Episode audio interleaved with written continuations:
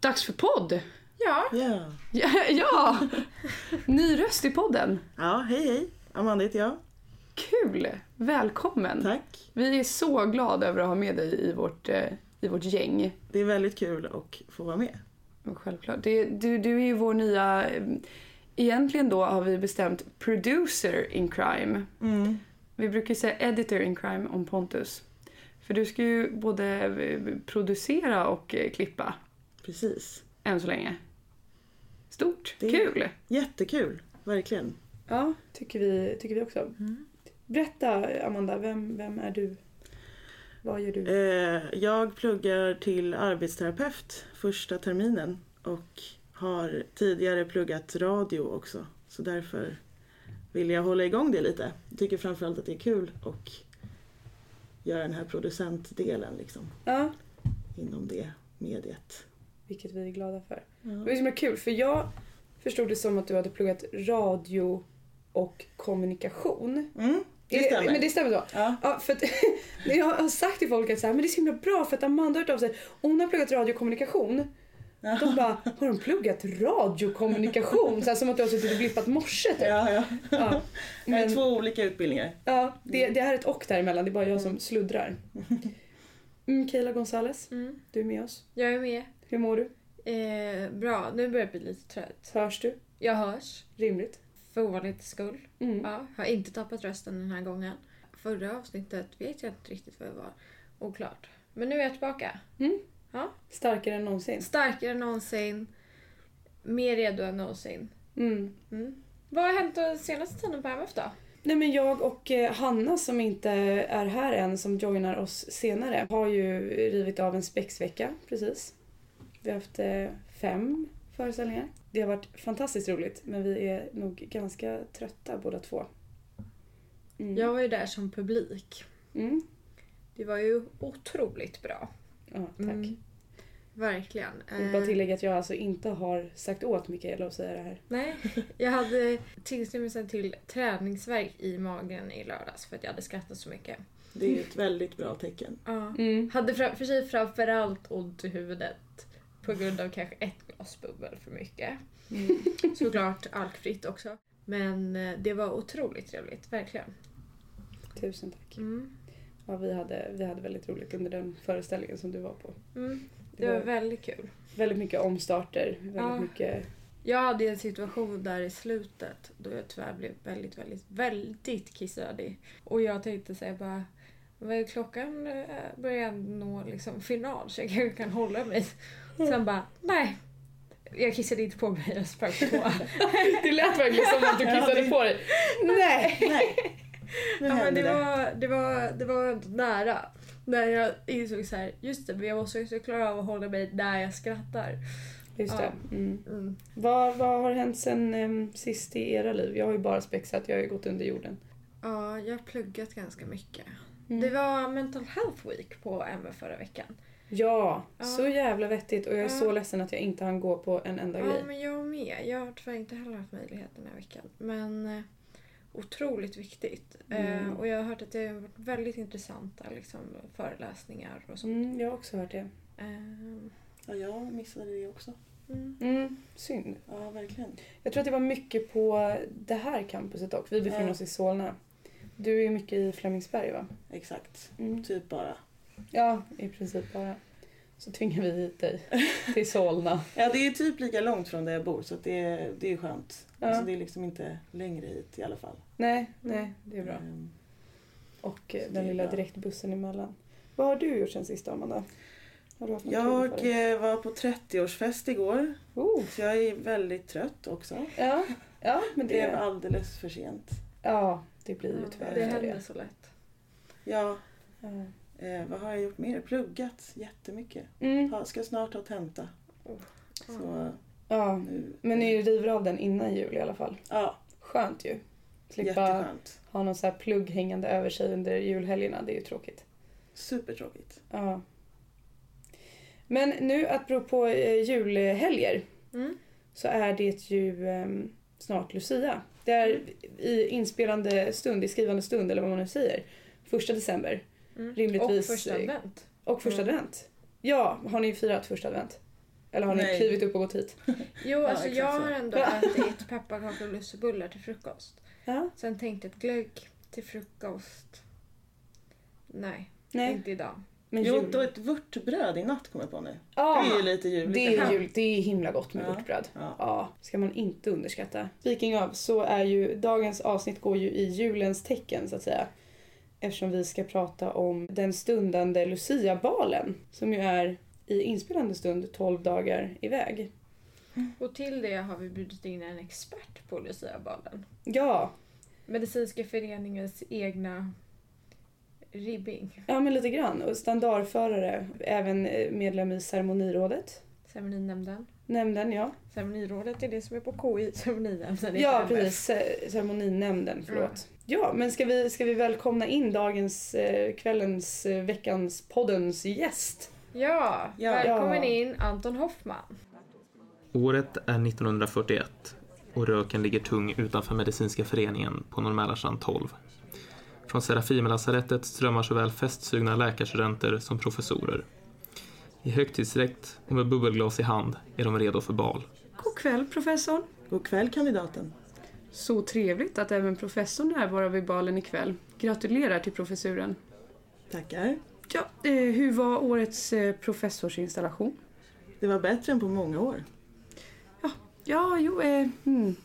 jag förstår att eh, professorn måste ha varit eh, länge i fältet. Vad menar kandidaten med det? Att jag ser till åren ut? Eh, nej, eller jag nej, eh, ska gå hit bort. Hej! Folkets jubel för Anton och Lucia-balen. Ja, tack så mycket. Välkommen hit Anton. Tack. Vem är du? Är, eh, I min roll just nu som jag befinner mig här så är jag ju standardförare på Medicinska föreningen Hmm, på Nobels väg 10 i Stockholm. på Nobels väg 10, det stämmer. Och vem är du som privatmänniska då?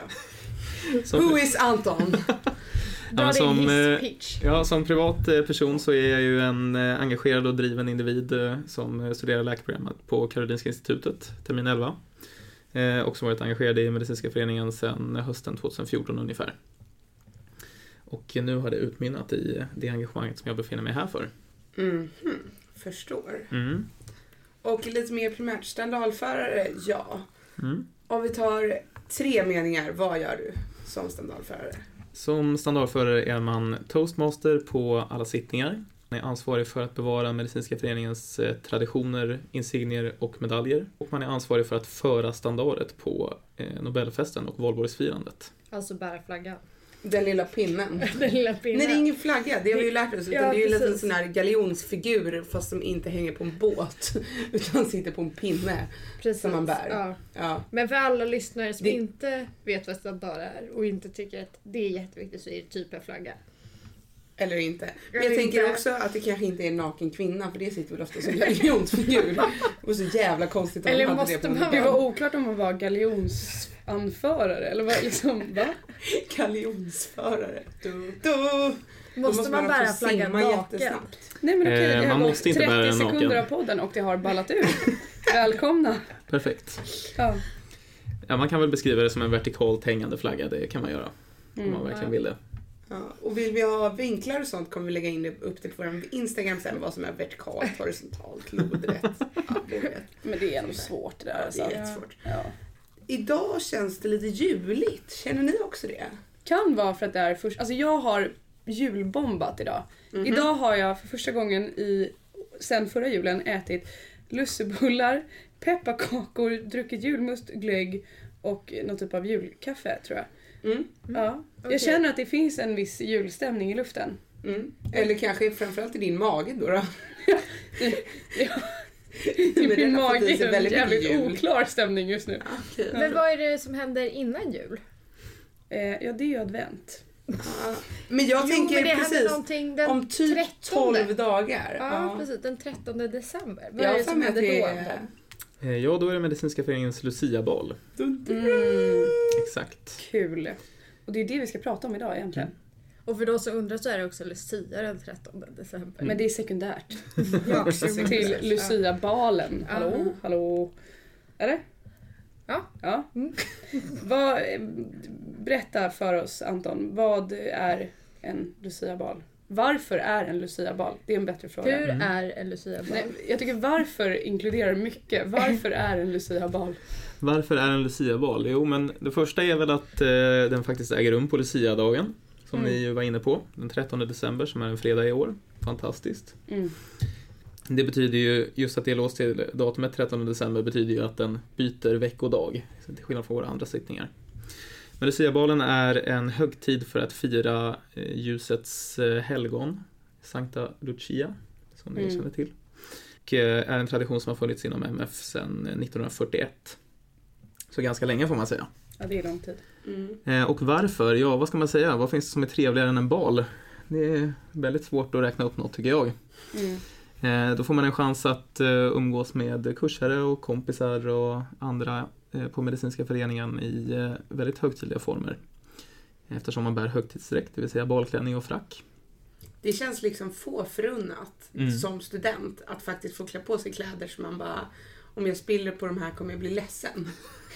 Jag tänker framförallt när man liksom är inom landstinget och ofta på sig pyjamas. Ja, Att det är så här, då behöver man inte ens tvätta det man spiller själv. Nej, exakt, det är det. Framförallt så kanske man blir ledsen då för att spiller man på sin badklänning så måste man tvätta den själv. Eller typ kemtvätta. Ja, då måste Mm. man ju betala för det Mm. själv.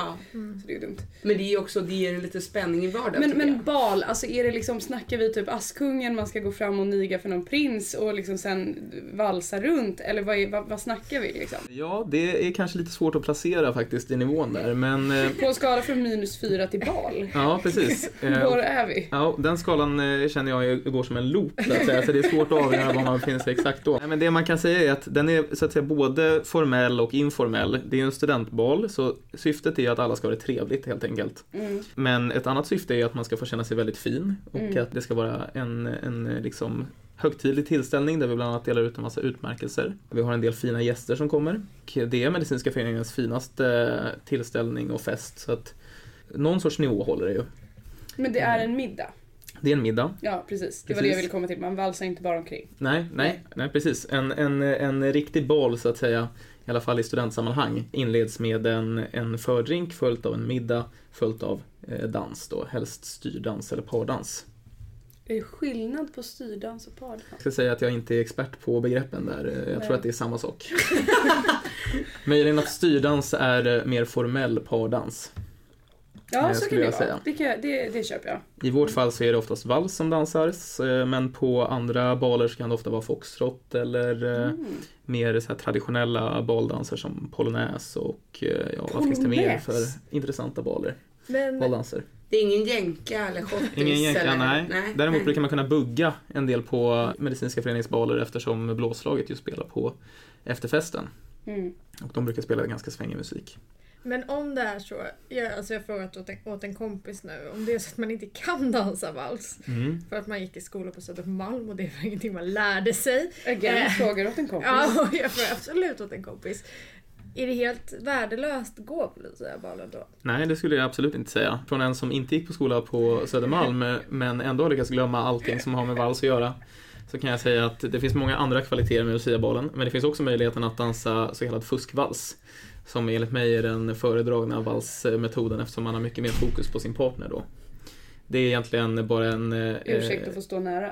Ursäkt att få stå nära. Det är som en, eh, en förhärligad tryckare kan man säga. En tryckare med en arm ut. Exakt. Så att det ser lite schmancy ut. Det är perfekt. Det är egentligen det man vill göra alltid när man valsar. Men om man valsar på riktigt så måste man tänka massa på var man har fötterna och istället för Mm. var man har sina händer så att säga. En dans tre? I den lilla smygvalsen, då kan man tänka var man har händerna istället. Mycket trevligare. Ja, absolut. Du menar att du antingen tänker på var du har fötterna eller var du har händerna? Går inte att kombinera. Nej. Och eftersom så att säga, händerna förhoppningsvis sitter på någon som man eh, tycker är trevligt att dansa med så är ju det mycket roligare att tänka på än fötterna som bara är på golvet.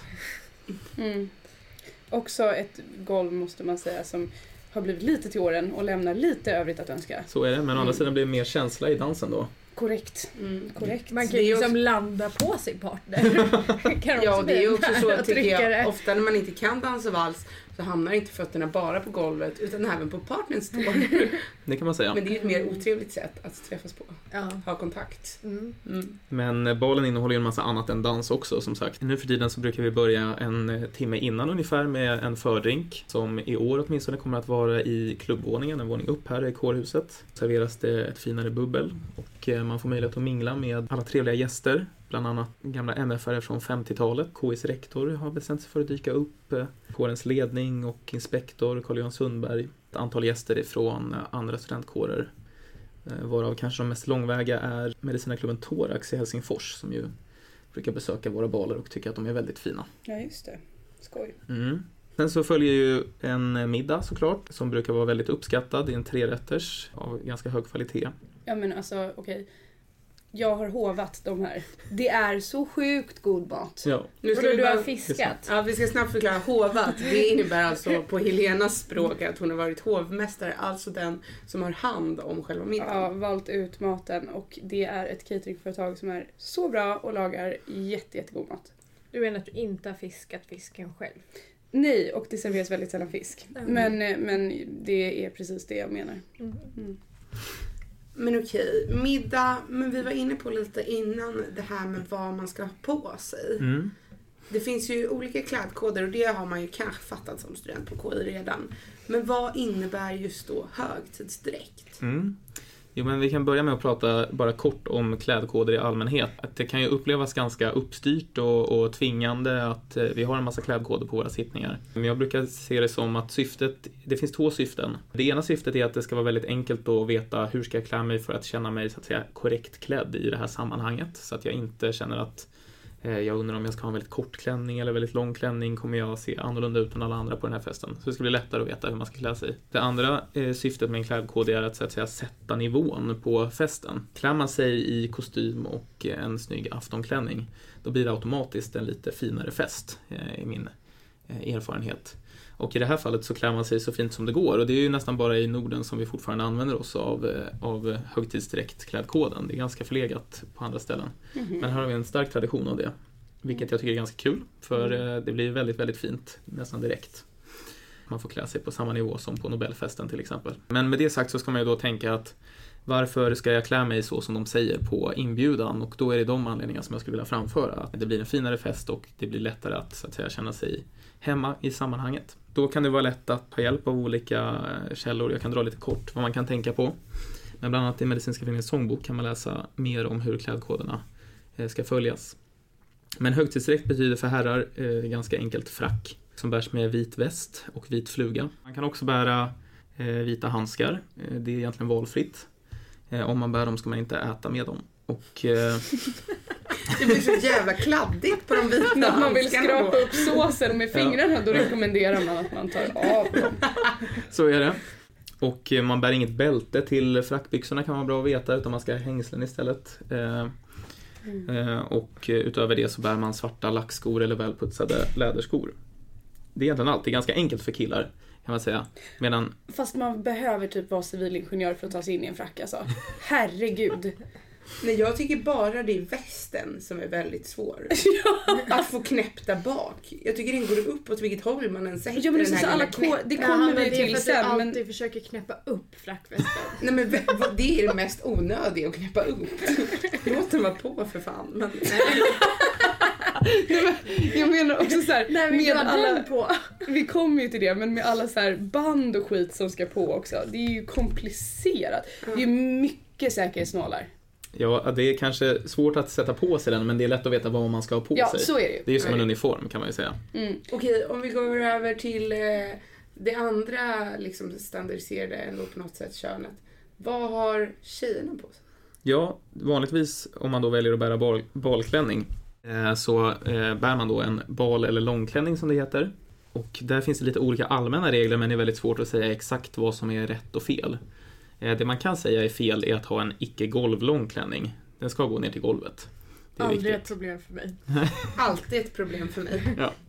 Det är olika svårt för olika, men, eh, eh, men det är det viktiga i alla fall. Den ska gå ner till golvet. Det andra viktiga är att den ska vara festlig. Det räcker helt enkelt inte med att eh, dra på sig ett lakan som råkar ner till golvet och bära den utan det ska gärna vara kanske lite glittrig eller kännas lite lyxig i sammet eller något sånt material. Eh, Lite dekorerad eller så. Någonting som man helt enkelt känner sig redo för en bal i. Sen är det allmänt så att klädkoder, i klädkodssammanhang kan man säga att en enkel regel är att eh, ju finare fäst desto mindre tyg upp till och mer tyg ner till. Eh, Det, Så Som på det är riktigt har man bara topless. kjol. Ja, det vill säga det är mer okej att eh, ha bara axlar eller en djupare Ja. urringning. Eh, Om än det är att, finare fest. Absolut, så är det. Fan vad sjukt. Mm. Här har jag gått i alla år. Men nu jävlar. Nu jävlar! På årets Nobel, då ska jag gå wild. Du ska inte på till Nobelmiddag. Vad jag vet. Men så min eh, rekommendation är helt enkelt att man försöker ta någonting som man känner att nu ska jag gå på den finaste festen jag kan tänka mig. Eftersom det är den finaste klädkoden man kan tänka sig. Eh, och att man ser till att, eh, att man känner sig bekväm med det och att den går ner till golvet. Får jag fråga då, för det är så här, den ska gå ner till golvet. Måste det specifikt vara en klänning? Nej, det kan vara en kjol och en fin topp. Får det vara en byxdress? Byxor brukar generellt eh, vara liksom något man avråder ifrån. Eh, för att det är ganska svårt att uppnå samma, så att säga, balkänsla utom i fracken då, som ändå är en uniform på något sätt. Eh? Samtidigt kan jag tycka att skulle man ha ett par byxor som ser riktigt party ut, typ med eh, fantastiskt vackra paljetter eller någonting sånt där på, som glittrar i någon väldigt vacker färg så, då är det klart man skulle komma undan med det också. Ja men jag tänker, eller inte specifikt byxor men just en så här byxdress i typ Ja. sammet. Ja, ja. Det kan ju se skitlyxigt Ja. ut. Ja. Ja, men skulle man, skulle man känna sig eh, a million bucks i eh, sin byxdress så skulle jag säga att man kommer undan med det. Mm.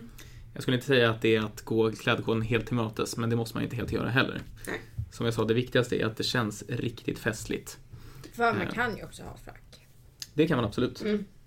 Nu Om man bara vill vi göra om, det enkelt. Alltså det är också ett viktigt tillägg. nu Man pratade vi om de som frack. väljer att ha balklänning. Ja, precis. Ja, Mm. precis. Men det är klart man kan ha frack. Det är ganska snyggt eh, skulle jag vilja säga på damer också. Sen kan man också säga att om man vill kan man ha handskar. Det är inte heller obligatoriskt men eh, man kan ju se det som ett tillfälle lite som vi var inne på. Hur många gånger får man chansen att bära så här eh, lyxiga kläder som man är, är orolig för att smutsa ner? Eh, hur många gånger får man chans att liksom gå på en riktig bal så att säga? Framförallt kanske efter att man har eh, tagit examen och slutat sina studier. Då kan man kanske passa på att satsa och då kan det vara fint att få sådana här höga armbågslånga handskar.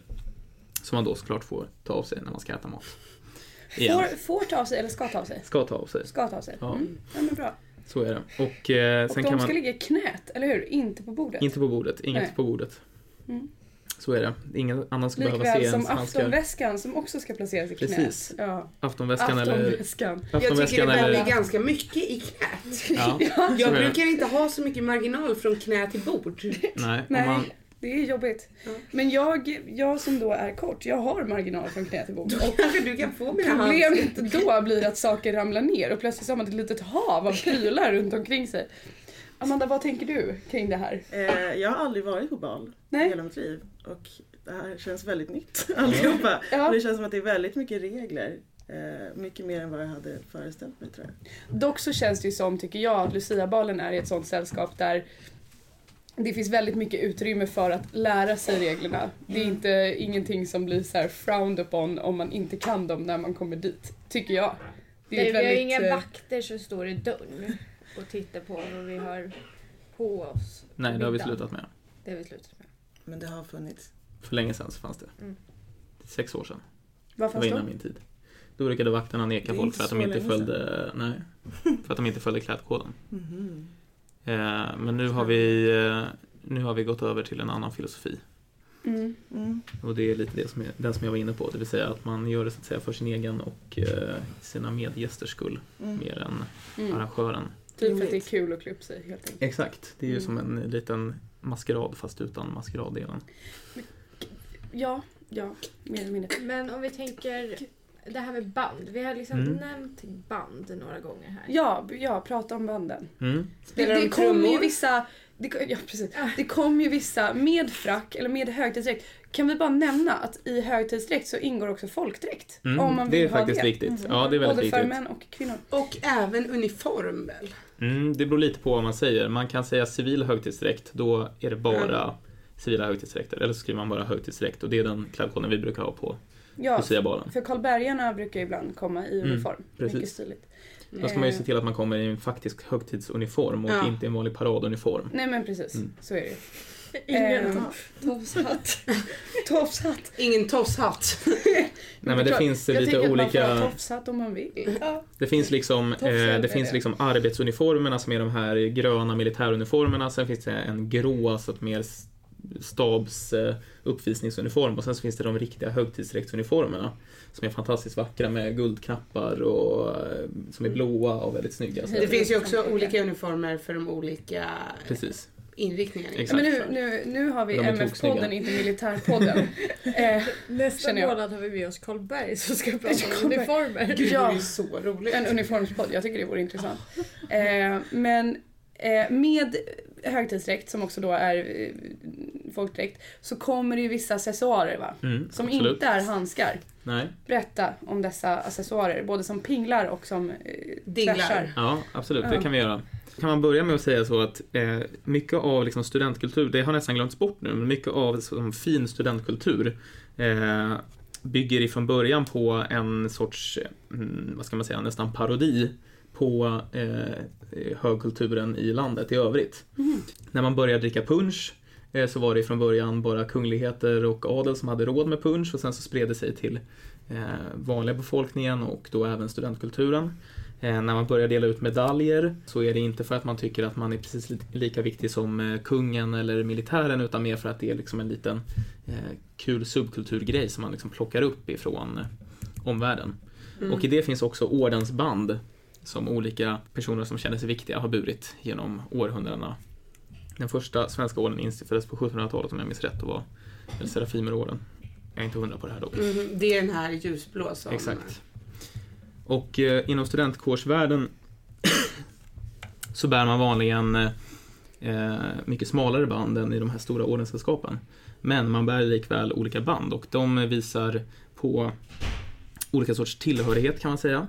Eh, I MS fall så är det kårband som visar tillhörighet till en, en studentkår. Eh, om man åker till Uppsala eller Lund kan det finnas nationsband.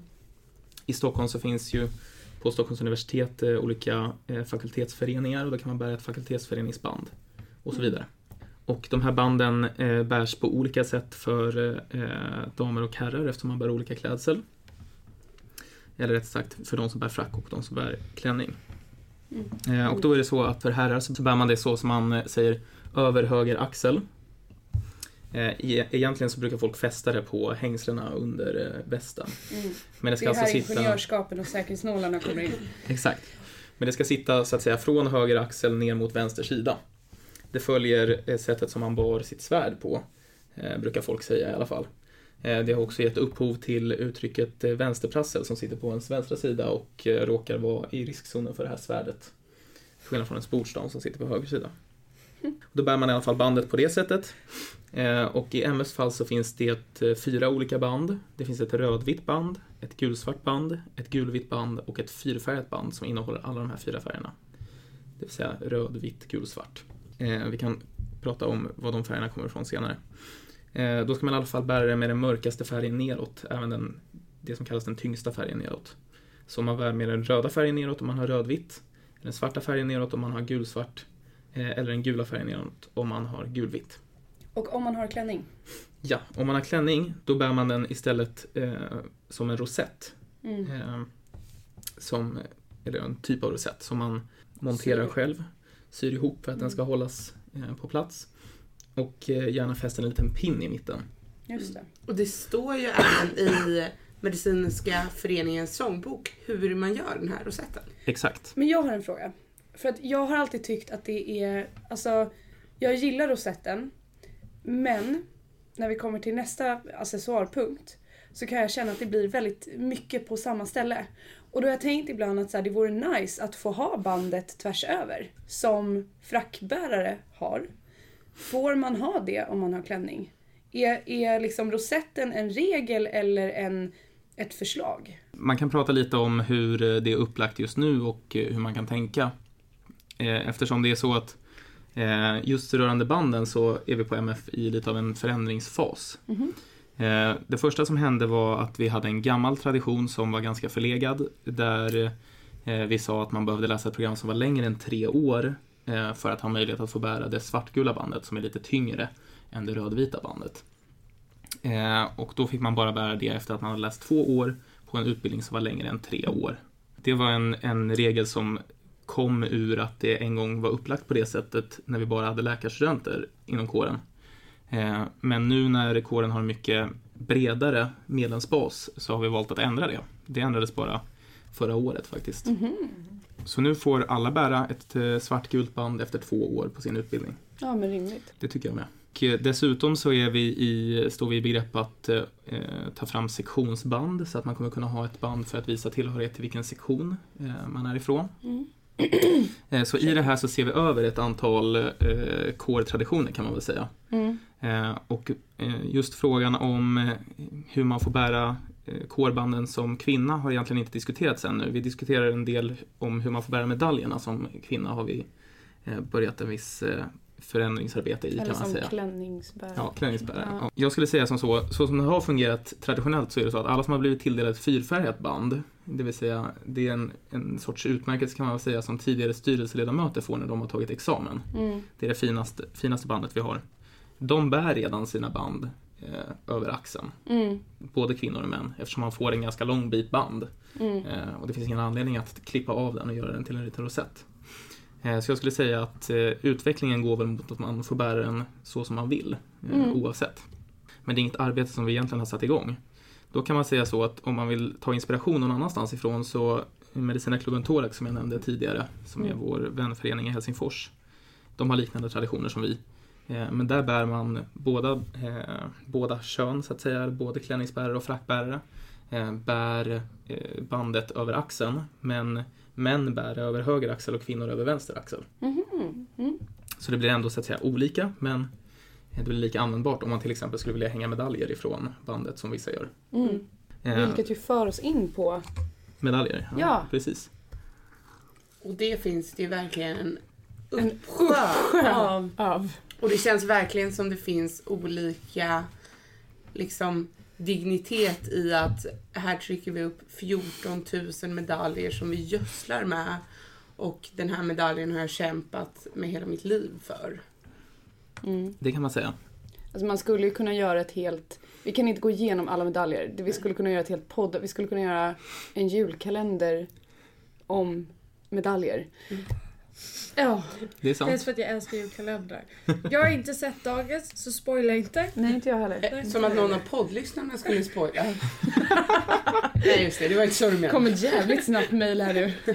Men hur, hur bär man dem korrekt? Ja, Om vi nu bara för, vi, om vi lämnar medaljerna, liksom när, var, hur och varför man får dem Mm. till ett annat avsnitt och Okej. så bara berättar vi att det finns medaljer i studentsammanhang. De bärs till frack mm. eller till högtidsdräkt. Ja. Mm. Så. Där är vi nu. De flesta medaljer eh, bärs till högtidsdräkt kan man säga. Och eh, det får man oftast konsultera den som delar ut medaljen om. Ja precis, det Eh. brukar man ju få så här förordningar om Precis. då. Men på Medicinska föreningen, våra förtjänstmedaljer, det vill säga som man får för att man har gjort någon stor insats, inte bara för att man har haft en post en viss tid eller, eller eh, gått på en fest. De bärs till högtidsdräkt då och eh, eh, då bärs de oftast på vänster bröst, närmast hjärtat. Eh, exakt hur man ska bära dem är liksom en egen vetenskap. Men det kan vara bra att veta att eh, den finaste medaljen eh, som är för just det här tillfället. Så går jag på en fest hos eh, Mikaela som har delat ut Mikaela-orden. Eh, Då Mm. börjar jag bära Mikaela-orden så att säga närmast eh, först i ordningen så att säga. Mhm. Så det blir alltså för mig, för mig sett längst till höger högst upp. Så att det blir så att säga Mm. närmast hjärtat. Inte nödvändigtvis anatomiskt närmast hjärtat men ni förstår. Mm, Närmast det fiktiva hjärtat. Ja, Medan man skulle kunna se det som att det kanske vore lite osnyggt om jag satte på Mikaelas medalj längst ner lite slarvigt sådär. För det visar inte riktigt att jag har uppskattat att jag har fått den hedersbetygelsen ifrån henne. Nej, okej. Så går man på fest på MF så bär man ju bära eventuella MF-medaljer överst. Mm. Eh, och då bär man dem som sagt då på vänster bröst om man inte har fått ett insignium, som det heter, som är en halsmedalj. Eh, det är lite olika sådana som vi har på kåren, men eh, Eh, Den vanligaste är ju Crux Magna Medicorum som är en av vår finaste eh, förtjänstmedalj. Och eh, där har vi ännu inte uppdaterat reglementet men vi har precis gjort en ändring där det tidigare var sagt att herrar skulle bära den runt halsen medan damer skulle bära den på bröstet i en rosett. Mm. Som visserligen var väldigt fin. Eh, Mm. Och jag tror att det kommer ur att man har tänkt att damer ofta vill bära halsband istället. Eh, Men många tycker att det är ganska snyggt att ha ett medaljband runt halsen, inklusive jag själv. Eh, Så nu har vi precis ändrat så att man som kvinna får välja själv Mm. om man vill ha den i rosett eller runt halsen. Mhm. Det ska bara uppdateras i reglementet, men beslutet finns fattat i ceremoninämnden som bestämmer sånt här. Så det är de olika sätten som man bär den på. Antingen då på bröstet, runt halsen, eller som vi var inne på lite innan, att man i utvalda fall kan välja att bära dem lite på sitt band. Mm. Sitt ordensband, eller kårband i det här fallet. Dock kan jag själv tycka att eh, det kan bli ganska snyggt om man väljer att begränsa sig lite grann, att inte ha för många medaljer. Att det är snyggt att samla dem på vänster bröst. Men det får man helt enkelt känna efter själv. Mm. Eh, Och i värsta fall, om man nu har råkat få väldigt många medaljer, så kan man väl bära dem både på bröstet och på bandet. Om man Ja. har de lyxproblemen. Ja. Det finns ju vissa eh, hur ska vi säga, andra universitet som liksom drösar ut med medaljer som liksom hänger dem över hela frackar Mm, och mm. Som liksom låter lite som kossor när de går framåt. Det är inget vi... jingle bells Ja liksom. men kommer gående. precis, en hel liten julkonsert själv. Precis. Och där kan jag tycka att, eh, jag tycker det är en ganska kul tradition och det är lite det som jag var inne på innan att det är som någon ironisering över de här formella ordnarna Mm. som tidigare delas ut av kungen och andra. Eh, Så det är ändå en ganska kul grej. Mm. Dock eh, kan jag tycka att om man, Eh, om man går på en fest, eh, om man kommer ur en sån studenttradition och kommer till en fest där folk bär medaljer av andra anledningar, till exempel att man har gjort väldigt stora insatser för en förening eller en eh, kår eller en, eh, ett organ, eh, då kan jag tycka att man kan försöka begränsa sig lite grann. Man kanske inte måste ha varenda liten metallbit som någon har hittat i sin bakgård och liksom råkat fästa i ett band hängande. Precis som jag tycker att man kanske ska tänka så att om man går på Nobelfesten och folk kommer bära liksom höga kungliga eller militära ordnar, då kanske jag inte måste ha spexmedaljen 07 liksom hängande ifrån bröstet. Men det är helt enkelt upp till en själv, men jag tror att man ska vara medveten om att man kanske trampar någon på tårna då som tycker att det kanske är lite onödigt att man går runt och låter som en julgran som klirrar. Hur låter en julgran som går? Nu kan du få gissa. Låter som någon som har väldigt många medaljer. Jag har två frågor. Ja. Mm. Nej, jag, har- jag har en fråga egentligen, kommer jag på nu. Jag ångrar mig. Mhm. Eh, tillbaka Mm. till det här med klädkod, för jag har Mm. faktiskt en, en sak som jag har tänkt på. Har du en fråga? jag har en fråga. Mm. Eh, alltså, som klänningsbärare, Ja. hur ska man tänka kring alltså, någonting att ha över axlarna? Mm. Finns det liksom några så här riktlinjer där? Vad är liksom... Jag skulle säga att man ska tänka exakt likadant som med klänningen. Ja, Att allt som känns eh, lyxigt och Ja. festligt är okej. Eh, att komma med liksom eh, en urklippt del av sin gamla snuttefilt, det kanske inte är helt rätt väg att gå. Men har man något som ser ut som en fuskpäls eller något finare sammetstyg eller något sånt där, skulle jag säga att det är, är en bra idé att ha det. Again, fokuset är på att man själv ska känna sig fin. Exakt. Liksom. Fin och bekväm då, så att man inte tycker Ja, att man visst. fryser om axlarna. Och hur tänker man kring den saken när man sätter sig till bords? Mm. Eh, där skulle jag säga att min åsikt är väl att generellt så är det lite snyggt att försöka eh, så, slappna av lite och klä ner sig lite när man sätter sig. Men jag har inte själv uppfattat att det finns en stark regel om att man måste ta av sig eh, det plagget. På MF så kan det ju hända att man sitter nära en dörr eller så som det kanske blåser lite kallt ur tidvis och då tycker jag att det är helt okej att man fortsätter ha den på sig. Eh, men precis som att man tar av sig handskarna, inte bara för att inte smutsa ner dem utan också för att signalera att nu sitter jag och äter och tar det lugnt och ska inte springa iväg. Så kan jag tycka att det kan vara fint att ta av sig den. Eller kanske lägga i knät, eller lägga i knät på sin bordsgranne. Mm. Och då kommer vi till nästa del tänker Mm. jag. Springa iväg och Mm. under sittningen, vad är det som händer? När får man gå? När får man inte gå på toa? Mm, mm. Vi, har ju, eh, vi har ju tidvis eh, en nobelpristagare som gäster på våra luciabaler faktiskt. Det har vi inte pratat om än, men de hör till gruppen som ibland dyker upp. Vilket vi såklart tycker är väldigt trevligt. Och de kommer ju då ganska nyligen ifrån Nobelfesten som ju bara är tre dagar tidigare. Där man ju har ganska hårda regler kring när man får gå på toaletten och inte. Eh, men på MF är vi inte alls lika hårda. Däremot kan man ju säga att om man bara vill följa så att säga eh, rent vett och etikett så är min rekommendation att man försöker gå på toaletten eh, när någonting händer på scen. Eh, till exempel eh, någon sjunger eller spexar, inte nödvändigtvis under ett tal, det är, det är helt fel väg att gå. Men eh, då är det oftast mycket ljud, de som uppträder kommer inte märka av det i någon större utsträckning och man slipper eh, att det låter så mycket från att man går ut. Men då är det till exempel under det är ju fortfarande en studentsittning. Så Mm. det sjungs ju väldigt mycket sånger, Mm. alltså som hela sittningen sjunger tillsammans. Då kan, Då kan man också bra. passa på att springa ut. Och är det inte Exakt. också så eftersom vi, det finns ju de tillfällen, eller de, eh, vad säger man, typ kårer och så vidare som har formella pauser. Mm, Men vi har ju inte formella Nej. pauser och det är ju en lång sittning. exakt. Så att då får man ju avgöra lite själv någonstans. Ja, vi har alltid överseende med att man springer iväg på toaletten. Det är någonting man räknar med egentligen kan man säga. Och det är väl det som då de här Nobelpristagarna brukar tycka är väldigt skönt. Att det inte finns någon hård regel om att man inte får gå på toa.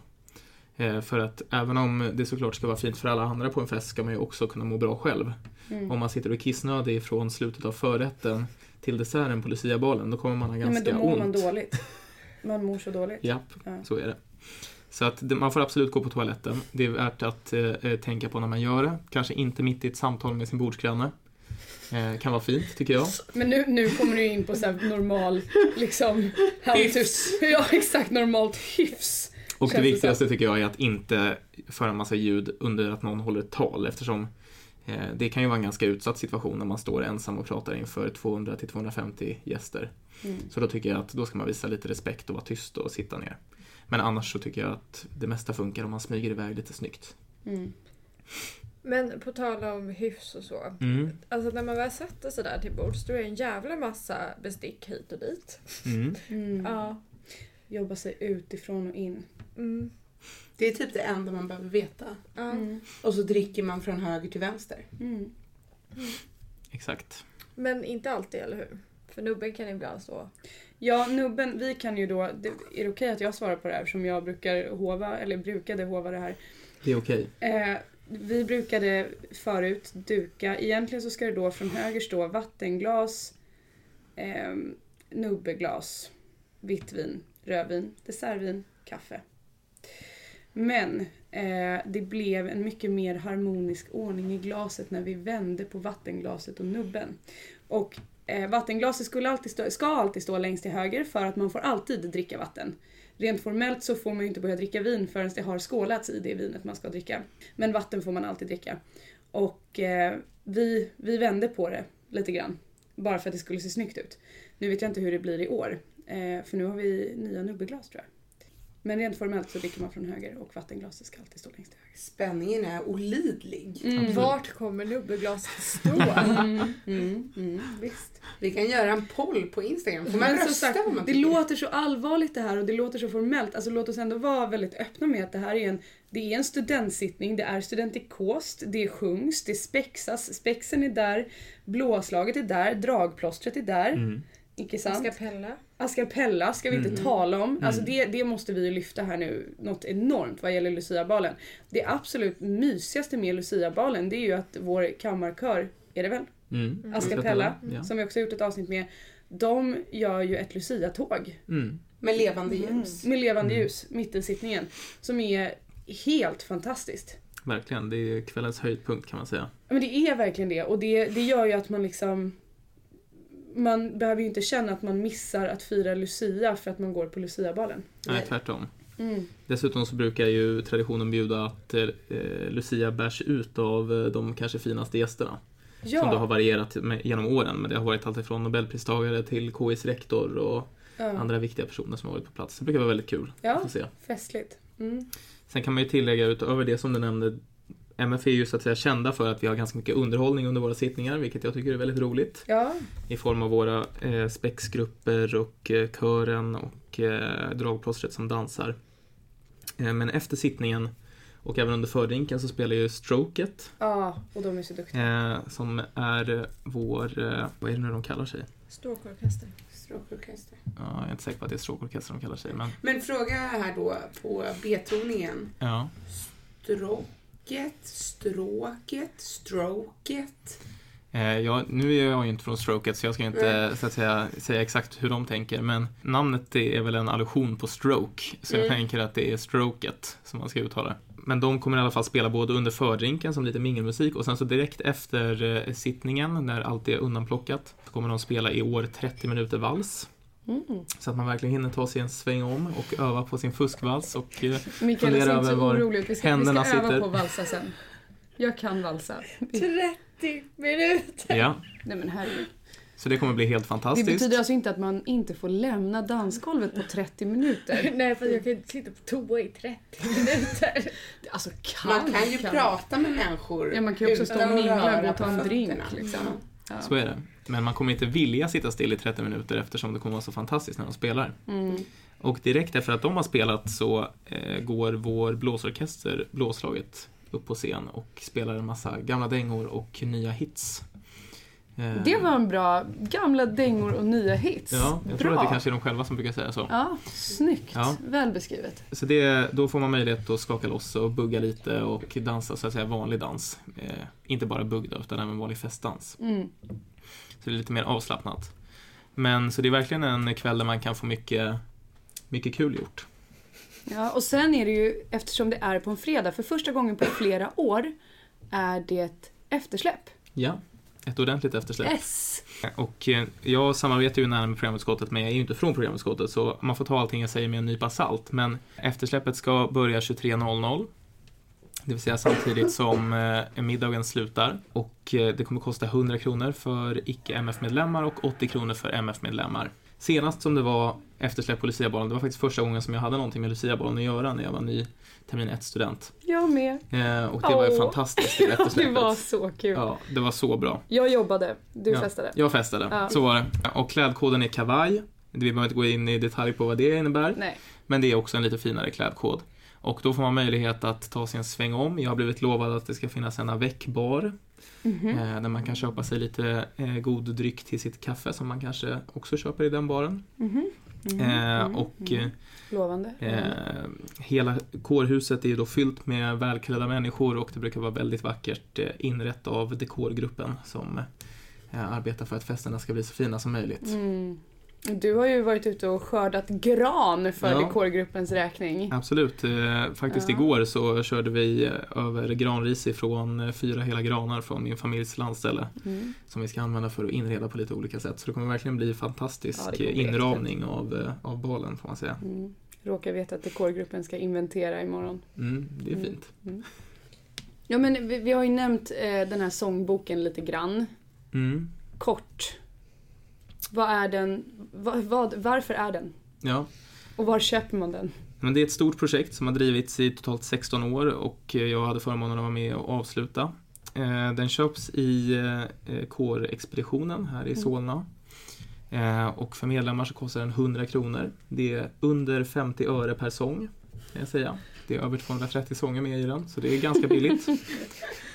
Och den innehåller allt man kan tänkas behöva. Allt ifrån information om lite kårtraditioner till klädkoder, till snapsvisor, till Olika Eh, medaljer? olika Förklaringar? medaljer, absolut. Mm.